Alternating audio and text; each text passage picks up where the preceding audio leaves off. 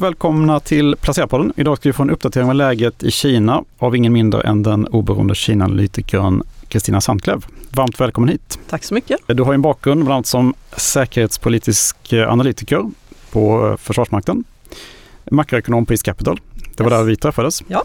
Eh, och marknadsanalytiker med fokus på Kina för Ericsson. Det finns ju massor med teman som vi skulle kunna prata om när det gäller Kina. Men jag tänker ett aktuellt tema som man har pratat om särskilt sedan eh, invasionen av eh, Ukraina eh, är ju att så kallad bortkoppling av Kina. Det vill säga att man, man flyttar produktion, man försöker minska beroendet av Kina. Hur ser du på den trenden? När det gäller bortkoppling av Kina så tror jag att vi i Sverige åtminstone så är det så att vi har investerat så pass mycket i Kina, våra stora svenska företag, så att det är inte riktigt görbart. Och det är ingenting som det svenska näringslivet heller önskar att göra, i alla fall större delen av dem. Det är klart att man eh, börjar, eh, många företag håller på att titta på Kina för att man satsar kanske mer på produktion Kina för Kina. Eh, och sen så flyttar man sakta men säkert ut produktion till andra länder. Men det beror kanske minst lika mycket på att det är lönerna för fabriksarbetare har ökat i Kina så att det är helt enkelt billigare att ha produktion i Vietnam eller Indien.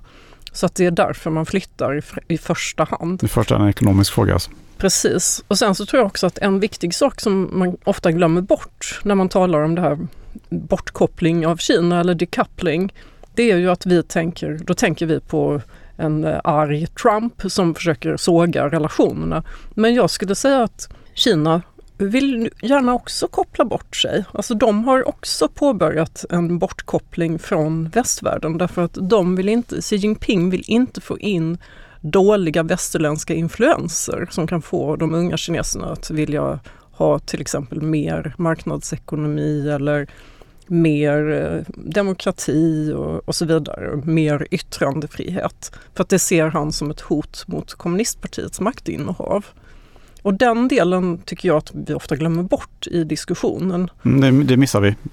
Mm. Det missar vi totalt. Liksom. Och jag menar till exempel här nu så för någon vecka sedan så kom det ut en ny lag i Kina som kommer att eh, implementeras första juli som handlar om då counterintelligence eh, eh law. Och den eh, handlar om då liksom en, det är en antispionerilag som framförallt kanske riktar sig till då västerländska företag som försöker samla in information om Kina på plats i Kina. Och vi har redan sett att det har varit eh, eh, då räder på eh, utländska konsultbolag i Kina där man har liksom gått in och lite oklart exakt vad man har gjort men man har gått in och liksom stökat till och eh, så att det har blivit liksom, vi håller på att få ett sämre informationsläge om Kina. Och det fick vi ju redan eh, 20, 2020 när det var 15 amerikanska journalister från eh, tre stora tidningar som blev utvisade till exempel. Det var, de blev utvisade precis innan Wuhan skulle öppnas igen så man kan ju fundera över ifall myndigheterna var rädda att de skulle åka dit och få reda på saker som inte borde komma ut. Mm. Men så att eh, jag tror att den här eh, bortkopplingen den gäller inte bara att vi kopplar bort oss utan att de också kopplar bort sig. Det är en vilja från båda sidor då helt enkelt? Ja. Mm. Eh, jag tänker på det, eh, man pratar om hur, hur världen förändrats eh, av pandemin och sådär. Hur, hur, har, eh, hur har Kina förändrats eh, av pandemin skulle du säga? Jag skulle säga att eh, pandemin har, bliv, har påmint den kinesiska befolkningen om att de lever i, ett i en auktoritär kommuniststat som kontrollerar dem väldigt noggrant. Därför att eh, under eh, den här noll-covid-politiken som man ändå körde nästan tre år så var man ju tvungen att ha en smartphone med en app som visade ifall man då var grön, gul eller röd. Och eh, ifall man då var grön då kunde man röra sig fritt. Men ifall man var röd då hade man kanske varit i närheten av någon som eventuellt hade då någon smitta och det gav ju folk väldigt mycket ångest vad jag har förstått. För att eh, de här, eh, det kunde ju innebära att ifall du insjuknade i covid så kunde det ju innebära att eh, kanske 15 000 personer blev inlåsta att dina grannar, deras hund kanske blev eh, liksom avlivad. Eller inte kun, ingen tog hand om din katt och så vidare. Alltså det, var liksom, det blev stora trauman tror jag för många kineser.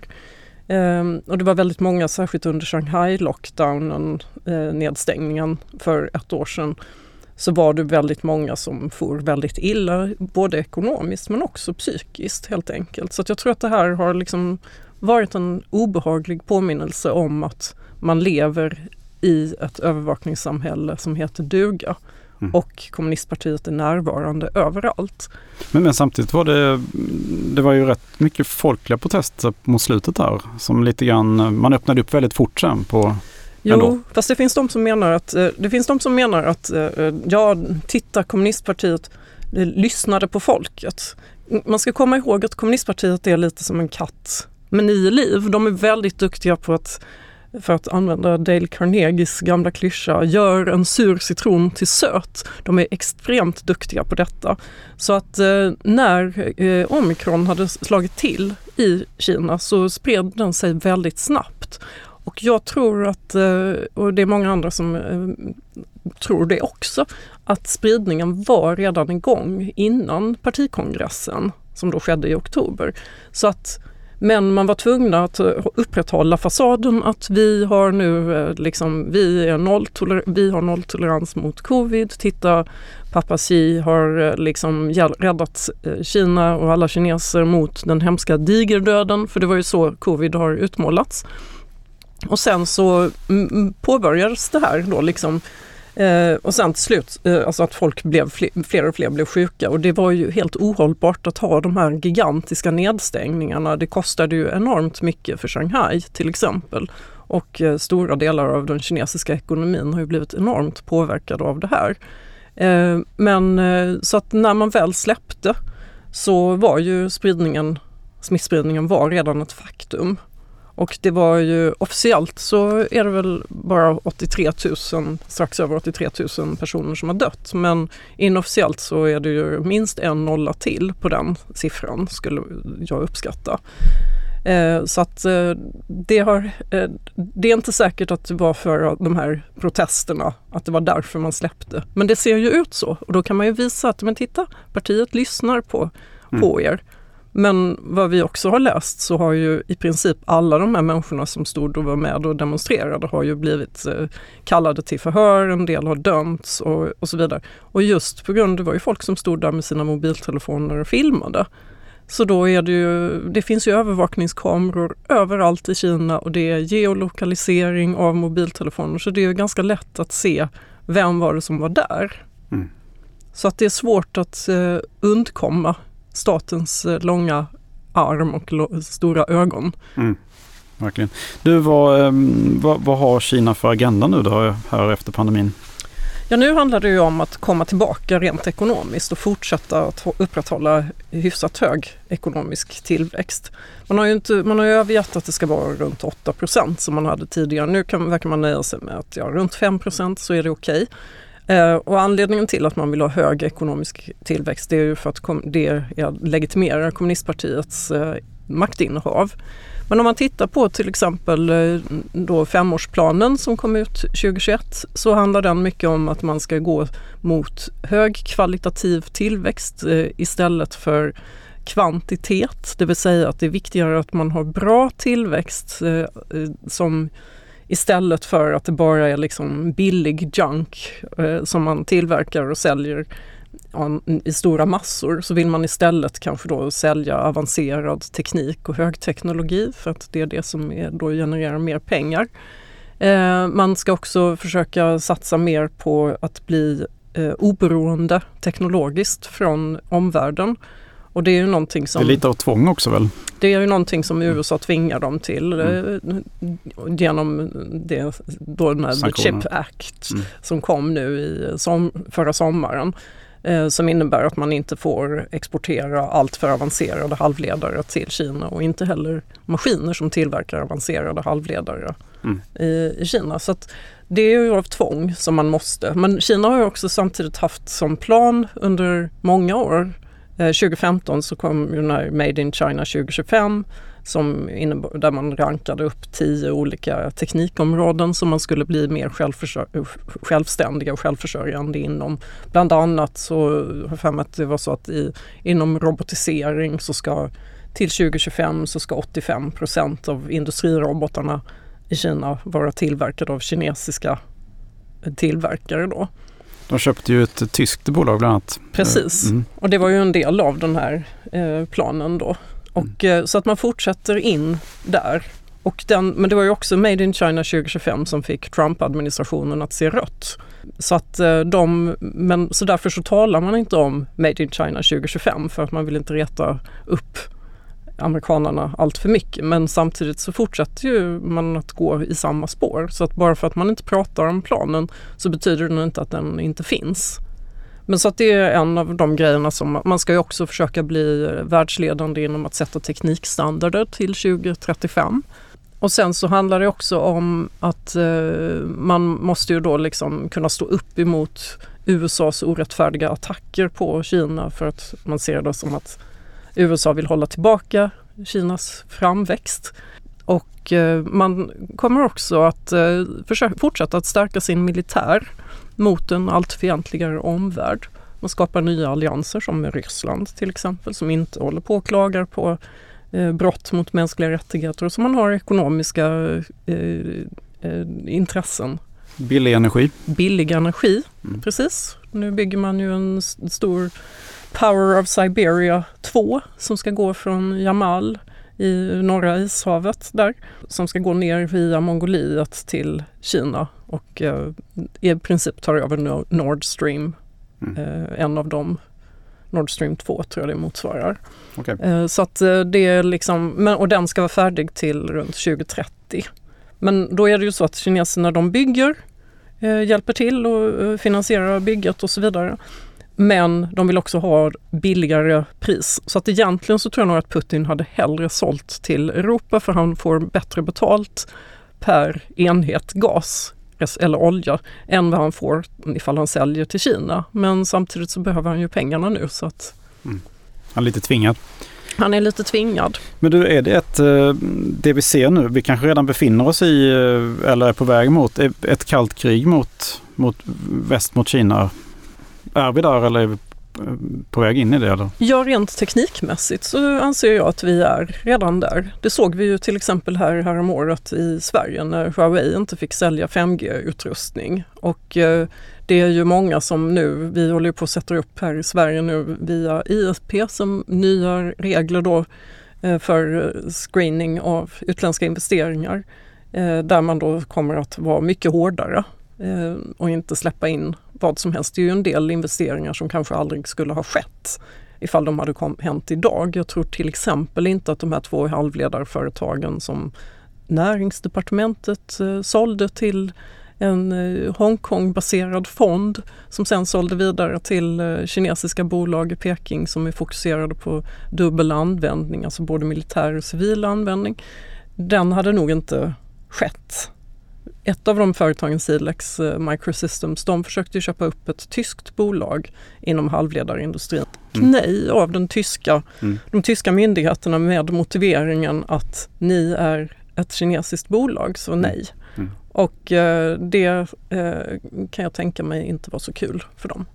Men de, för vad jag har förstått så eh, är de nämligen väldigt nöj, har de varit väldigt nöjda med den här kinesiska investeringen. För att, och det verkar vara väldigt många som är nöjda med eh, de här investeringarna. Pratar du med Volvo till exempel så är folk jättenöjda med Geely för att det har bara liksom kommit in jättemycket pengar. Mm. Man har fått helt i princip fria händer och, och ja, Li Shufu har ju då räddat Volvo från konkurs och det har gått jättebra och det här lyfts upp av alla frihandelsvänner eh, att titta så bra det har gått. Och det har ju gått bra. Så att, eh, men sen så får vi väl se hur det blir i framtiden. Så. Mm. Det vet vi inte. Nej. När, ifall det blir sämre relationer mellan Sverige och Kina och, och så vidare. Eller i samband med NATO-medlemskapet till exempel så kanske vi är tvungna att eh, liksom... Kapa banden ytterligare? Liksom. Kanske inte kapa banden men vi kanske behöver syna eh, kinesiska, kinesiska aktiviteter i Sverige på ett helt annat sätt. Mm. Jag tänker på det här um, samarbetet eller alliansen mellan uh, Ryssland och Kina nu uh, i samband med konflikten med Ukraina. Hur, uh, alltså, kommunistpartiet måste ju ändå veta att det, det gör att relationen med väst blir sämre. Men, men, det, men samtidigt vill man ju ändå på något vis behålla en, en bra vän med Europa i alla fall om jag förstår det rätt. Ja, man vill ju gärna att eh, det var ju därför som Macron var, det var ju så perfekt för kineserna. De måste ju ha gått runt och talat eh, med honom eh, under tiden som de wined and dined honom eh, under hans besök eh, då i slutet av mars var det väl. Nej men eh, eh framförallt så är det ju så att eh, Kina är ju väldigt beroende av EU. Eh, vi har varit den största handelspartnern för Kina fram eh, tills, eh, ja, eller det, jag tror att vi faktiskt fortfarande är det. Eh, och eh, vi och Kina har varit vår största förhandelspartner fram tills förra året när USA gick om och det misstänker jag har att göra med eh, liksom kriget i Ukraina, att vi har varit tvungna att köpa in försvarsmaterial från USA helt enkelt. Men det, så att vi är väldigt beroende av varandra rent handelsmässigt. Det finns enorma investeringar i, från Europa i Kina, inte minst tysk bilindustri. Mm, precis, står för en stor ja. Eh, andel av detta. Man har ju vissa företag har, jag tror det är Volkswagen har, är det 40% av sin omsättning eller någonting i den stilen. Och det är samma med eh, Europas största bolag, det här LVMH då. Lyx, eh, ja. Lyxbolaget säljer ju 40% av, eller har ungefär 40 av sin omsättning mm, i Kina. Faktiskt. Precis. Mm. Det finns ju gott om pengar i Kina. Kina har ju faktiskt fler dollarmiljardärer än vad USA har idag. Mm. Mm, fascinerande. Så att, eh, nej men så att jag tror att eh, Kina vill nog hemskt gärna att vi eh, liksom klipper banden med USA lite grann. Att den här transatlantiska länken får gärna försvagas. För att då blir vi lättare att kontrollera. Men efter Rysslands anfall på Ukraina så har ju den transatlantiska länken förstärkts. Mm. Och det kanske man inte hade tyckte var så kul i Peking. Men eh, man försöker liksom och det var där jag tror att eh, när Macron var på besök i eh, Kina och sen blev intervjuad på, sitt, på flyget hem eh, så sa han ju att eh, det var viktigt att eh, Europa har sin egen strategiska autonomi, vilket många fick tankarna på de Gaulle. Och det här är liksom lite fransk nationalism, man tänker att man är vi är stora och starka. Och det här var säkert någonting som kineserna höll på och uh, talade mycket om att uh, visst måste ni i Europa och inte minst ni i Frankrike stå upp mot uh, USA och ni måste ju fatta era egna beslut och så vidare. Och då är, blir det ju väldigt lätt att falla i den fällan utan för man kanske inte tänker så långt på vad det, det man säger, vad det kan få för konsekvenser mm. på längre sikt. Man har ju under liksom ett årtionde minst pratat om att den kinesiska fastighetssektorn ska krascha. Det är ju delar av den som har kraschat och det är mm. mycket skuldsättning. Nu är det ju så att kineserna har ju, många kineser har ju sparat i fastigheter för att man inte riktigt, man kommer ju trots allt från en planekonomi så att man har svårt att liksom det här med aktier och fonder och så vidare, det är inte, har inte riktigt det är lättare att förstå. Man köper en bostad och sen säljer man det efter ett tag och så har den kanske ökat tio gånger i värde och så har man tjänat jättemycket pengar på det här. Men det blir ju lite som ett pyramidspel i slutändan därför att det, folk har köpt för många bostäder. Så det påstås att det finns 100 miljoner tomma bostäder det låter väldigt i mycket. Mm. Kina. Jag vet inte ifall den siffran stämmer men någonting mm. i den stilen. Eh, och, eh, men det är, man kan se det när man är i Kina att det är många lägenheter som står tomma i nya. Och sen är det ju så här också att ifall du inte har inrett lägenheten så kan du sälja den för dyrare pris för att då kommer ju nästa person som flyttar in där. Då kan de bestämma ifall de, hur de vill att det ska se ut på väggarna och liksom hur ska badrummet och hur ska köket se ut och så vidare. Så att det, men det är en spekulativ marknad och eh, jag tror att myndighet, eller myndigheterna de är väldigt väl medvetna om att folk har sänkt så mycket pengar. Det är ju pensionspengar som man har investerat i de här fastigheterna. Och den får helt enkelt inte kollapsa fullt ut. Däremot så försöker man, det är vissa bolag som har kollapsat och det har gått ner. Men man vill verkligen inte ha demonstrationer och upplopp och så vidare kring som, det här. Som vi hade lite med när Evergrande uh, Ja, alltså mm. till och med när jag jobbade på Ericsson eh, i Kina 2006, då, var det, då, då hade vi eh, vårt kontor där jag satt Eh, lite längre ner i korridoren så satt det ett fastighetsbolag och då var det faktiskt eh, demonstrationer i korridoren. För det var folk som hade investerat i fastigheter eller köpt lägenheter men sen så blev det liksom aldrig färdigbyggt.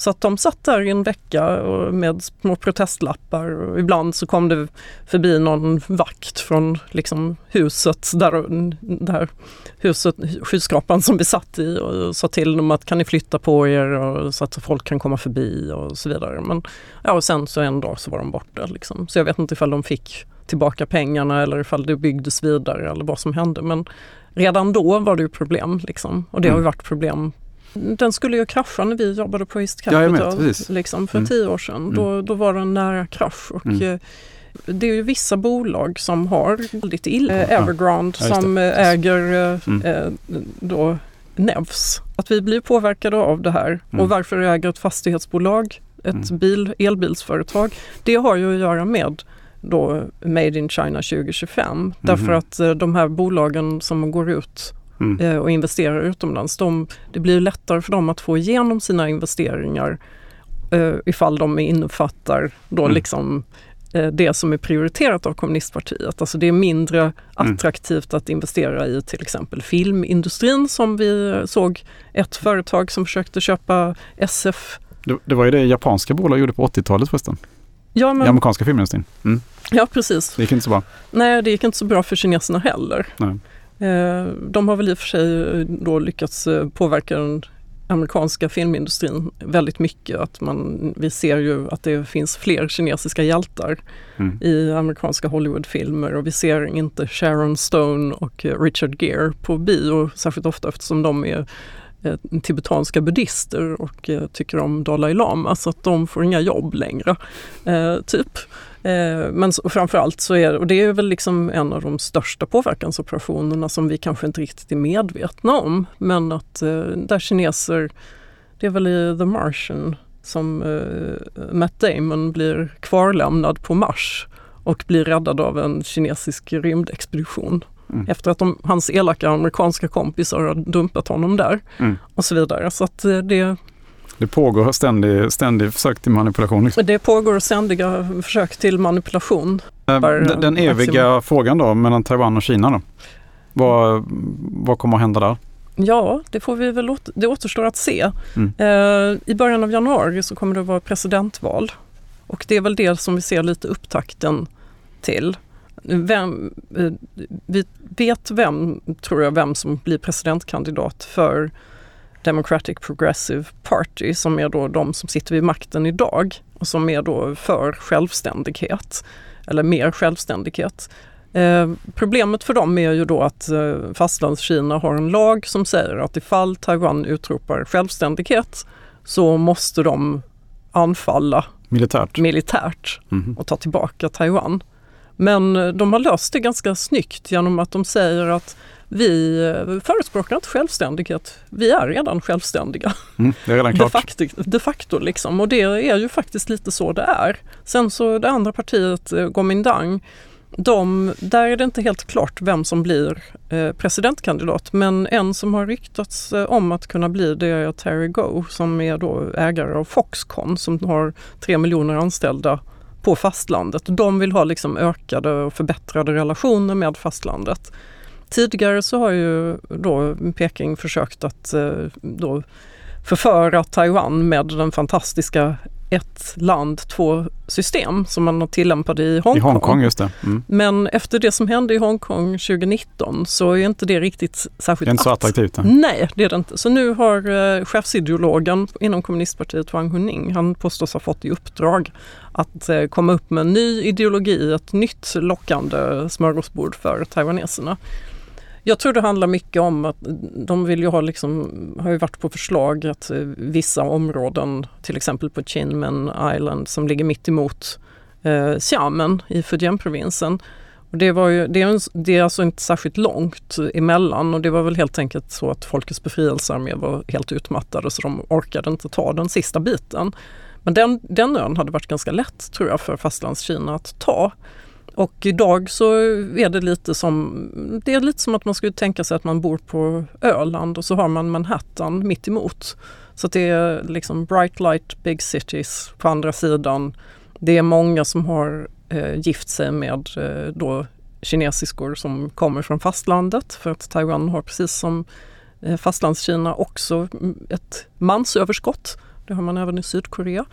Eh, så att eh, det, för att man rent liksom kulturellt så värderas söner högre för att det är de som bär blodsbandet vidare. Ehm, och där har man haft på förslag att eh, man skulle sätta upp eh, Peace Experimental Zones, alltså fredsexperimentszoner för att då kanske öka den ekonomiska integrationen med mellan Taiwan och Fastlandskina. Men det har man inte lyckats få igång ännu. Men eh, det finns, det, Taiwan är också det, kan också vara intressant att notera att Taiwan är det land i världen som är för flest påverkansoperationer eh, med eh, då tv-kanaler som man försöker då kontrollera eller lägga ner och förbjuda som kör då propaganda. Men det, man kör också för kommunistpartiet men man kör också till exempel eh, kin kineserna håller ju på mycket med så här förfädersdyrkan. Och då är det inte helt ovanligt att det kommer folk från fastlandskina. Många som bor på Taiwan kommer ju från fastlandskina. Så säger de, vill inte du komma tillbaka och hälsa på din gamla, ditt gamla, din gamla hemby som du, din, du utvandrade från för 300 år sedan och så vidare. Och då är det en del äldre människor kanske framförallt som tycker att ah, men, jättebra idé och så åker de dit och så är det jättetrevligt och då får man ju en väldigt positiv bild av Kina och då kanske man hellre vill rösta på Kuomintang mm. än att rösta på DPP. Mm. Som, för att man vill ha goda relationer. Vi är ju alla kineser och så vidare. Mm. Samtidigt så är det ju så att fastlandskina, det gamla kejserliga Kina var ganska ointresserat av Taiwan innan 1600-talet. Man, där bodde liksom urinvånare som mm. var liksom eh, aggressiva och jobbiga och talade konstiga språk. Och det var ju liksom västerlänningar som kom dit i princip först och kolonialiserade. På 1500-talet portugiserna hade till exempel en, eh, liten handelsstation som de sen flyttade till Macao. Men eh, det finns alltså risk för en militär konflikt? Skulle jag säga fortfarande. Det finns absolut en risk för militär konflikt. Eh, men samtidigt så är bägge sidorna väl medvetna om att det här kommer att kosta så otroligt mycket.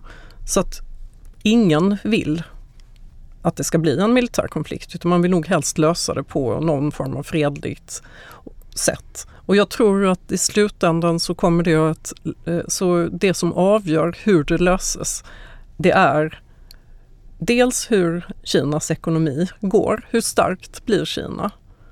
Det beror också på världspolitiken. Får vi in Trump i eh, Vita huset, nu var han i och för sig väldigt Taiwanvänlig, men ponera att eh, han eller någon annan blir väldigt mycket mer nationalistisk och säger nu är det America first som gäller, vi ska inte hålla på med konstiga krig långt bort i stan. Och eh, vi struntar i Taiwan för vi har ändå liksom fått eh, då de taiwanesiska halvledartillverkarna att flytta till Arizona och satt upp fabriker där och det liksom går minsann bra där. Så då behöver vi inte, vi behöver inte Taiwan på samma sätt och så vidare. Så att allting beror på hur går världsekonomin? Går vi in i en recession och Kina är ett av de få regionerna som fortfarande går bra, då kanske aptiten hos eh, de taiwanesiska väljarna ökar att eh, ha någon form av sam mer ökat ekonomiskt samarbete med fastlandskina och så vidare. Allting beror på. Och sen beror det också på ifall man, när vi talar om eh, krigföring som till exempel är att man attackerar infrastruktur Ponera att du lever i en situation där det blir mycket elavbrott hela tiden och saker inte funkar. Då kanske du också blir väldigt trött på det till slut och vill liksom bara få slut på det. Du vill kunna leva ett normalt liv. För att det är ganska jobbigt eh, att eh, leva med att eh, någon håller på och övar krig på en hela tiden. Och när eh, Folkets befrielsearmés eh, flygvapen, de flyger mot Taiwan och man kör runt i Taiwansundet och flyttar den här gränsen, som inofficiella gränsen som finns, där man flyttar den mer och mer österut. Mm. Så, så ökar ju också risken för kollisioner i luften. Och vad händer då? Eh, ja. Så vidare. Så att det, det finns många olika, vi får se. Sen har ju USA, det var någon tankesmedja eh, som gjorde en studie eh, som publicerades i början av året där man då eh, hade kört olika scenarier och kommit fram till att om det blev krig om Taiwan så skulle USA förlora minst två hangarfartyg. Mm -hmm. Och det skulle bli, alltså det skulle vara typ min, jag skulle vara tiotusentals döda amerikanska soldater bara de första tre veckorna. Och då är ju frågan, vill folk offra det? Och sen så kan man ju ställa samma fråga för kines, från kinesiskt håll där de som är vuxna idag som är med i Folkets befrielsearmé, det är ju enda barnet, ofta söner då. Mm. Är den kinesiska befolkningen beredd på att offra sina söner för ett sånt krig till mm. exempel? Så att vi, det är mycket som återstår att se.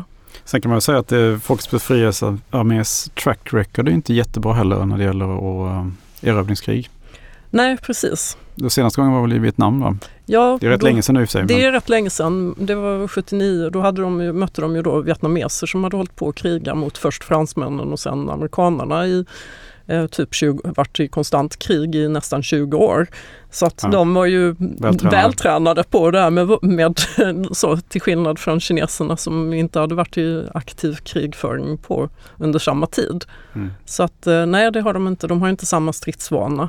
Men eh, de är duktiga på att bedriva hybridkrig.